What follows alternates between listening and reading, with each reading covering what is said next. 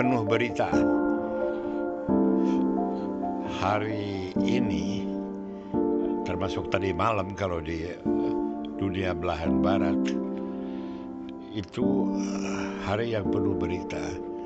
Jadi kita tinjau aja dikit-dikit tiap berita karena kalau di dalami satu persatu jadi panjang sekali ya. Uh, beritanya macam-macam mulai daripada ditangkapnya dan didakwanya uh, istri presiden atau istri perdana menteri pemimpin negara Lesotho atas tuduhan membunuh. Yang dibunuhnya itu istri pertamanya perdana menteri tersebut. Wah kacau juga ikuti aja beritanya tuh. Terus yang kedua ada pesawat waktu mendarat di Istanbul pecah tiga. Pada waktu beritanya mulai beredar kira-kira ada 8 jam sesudah pesawat jatuh masih dikabarkan uh, tidak ada yang meninggal lagi. Tapi kalau sekarang sudah ada tiga orang. Pesawat patah tiga gimana mau nggak ada yang meninggal ya. Jadi bagian depannya hidungnya copot. Jadi kelihatan kursi-kursinya. Kemudian di belakangnya copot. Rupanya dia itu mendarat terlalu cepat. Ini menurut analisa. Mendarat dalam keadaan terlalu cepat karena kena dorongan angin mendadak yang datang dari belakang itu suka terjadi sehingga dia tuh uh, jalan terlalu jauh melewati panjangnya uh, runway. Sudah itu masuk got ya udah pecah. Untuk uh, penyelamatnya dari bandara itu cepat jadi uh, proses penyelamatan berjalan cepat. Orangnya turun semua 175 orang dan dibawa ke rumah sakit dan sampai podcast ini dibuat juga rescue-nya itu masih berjalan. Itu di Bandara Istanbul. Turki juga kena musibah kedua. Kalau bandara itu di bagian barat, ini uh, musibah satu lagi bagian timur yaitu salju lengser, eh, lengser, longsor ya, avalanche jadi istilahnya.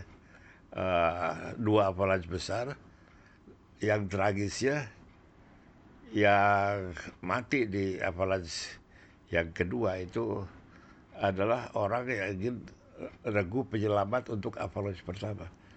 Ada-ada aja. Oke, itu berita satu berita. Berita lain lagi adalah uh, adanya eh, pidato kenegaraan Amerika State of the Union oleh Donald Trump tentunya. Yang biasa aja sih cuman bahwa ini terjadi persis pada saat impeachment aja belum selesai betul formalitasnya. Uh, Donald Trumpnya sudah mengklaim macam-macam kemenangannya. Dan pada waktu akhir pidato dia yang seharusnya memberi salam kepada ketua sidang yaitu Nancy Pelosi ini eh, pura-pura gak lihat dan tidak mengambil tangannya yang diulurkan untuk salaman itu. Penonton menjadi gempar ketika Nancy Pelosi itu dengan tenang aja ambil teks pidatonya itu terus dirobek robek depan kamera Trumpnya tentu sudah berbalik membogui dan si Pelosi. Tapi jadi berita yang tidak senang tentu banyak. Waduh ini kok sangat tidak menghormati uh, jabatan gitu ya. Si Pelosi yang orang Demokrat. Jawaban orang tentu adalah bahwa pelanggaran kesopanan atau kekurang ajaran seperti ditunjukkan saat itu oleh Donald Trump tuh sering dilakukan, bukan sekali aja. Uh, jadi ya nggak boleh lah orang balas dendam. Tapi ini suatu peristiwa dramatis juga ya.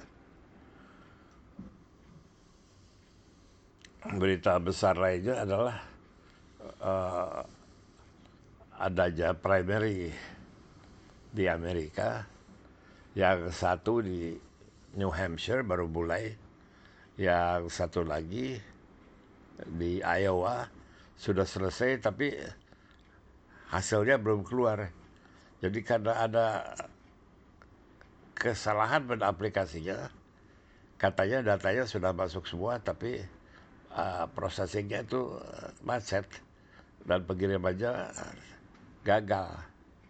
Ini betul-betul memalukan Partai Demokrat dan membuat Trump itu senang. Walaupun ya sebetulnya ini bukan peristiwa uh, yang diselenggarakan oleh resmi Partai Demokrat, tapi uh, peristiwa warga lah yang besar. Jadi di, di ribuan, mungkin tujuh ribu tempat pengambilan suara di seluruh negara bagian Iowa itu diambil lalu tidak keluar. Sekarang ini sekian jam kemudian sudah keluar sedikit-sedikit sampai 62 persen.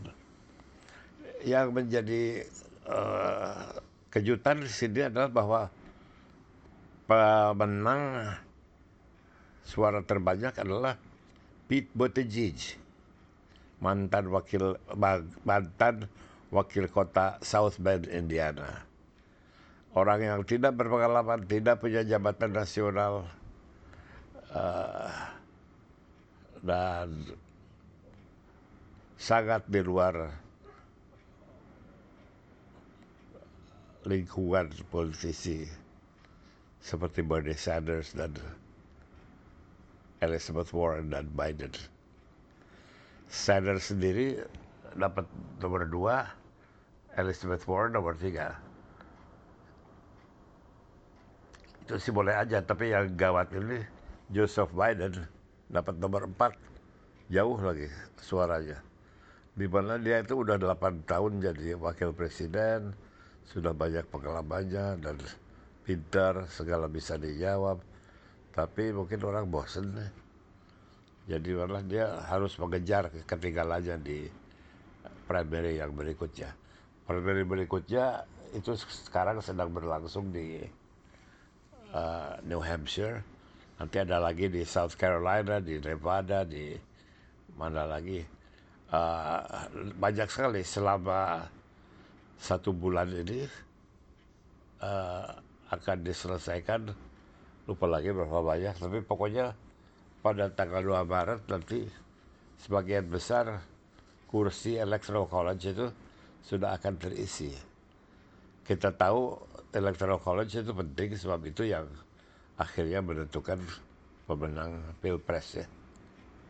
Jadi untuk yang senang politik Amerika ya ikuti aja lah CNN tiap malam karena kalau di sana siang kan di sini malam untuk lihat siapa yang akhirnya keluar dari sini siapa yang akan menghadapi Donald Trump di pilpres utamanya bulan November. Tapi kalaupun Anda tidak sempat, ya ikuti aja podcast ini. Kita akan ikuti terus ya. Terima kasih.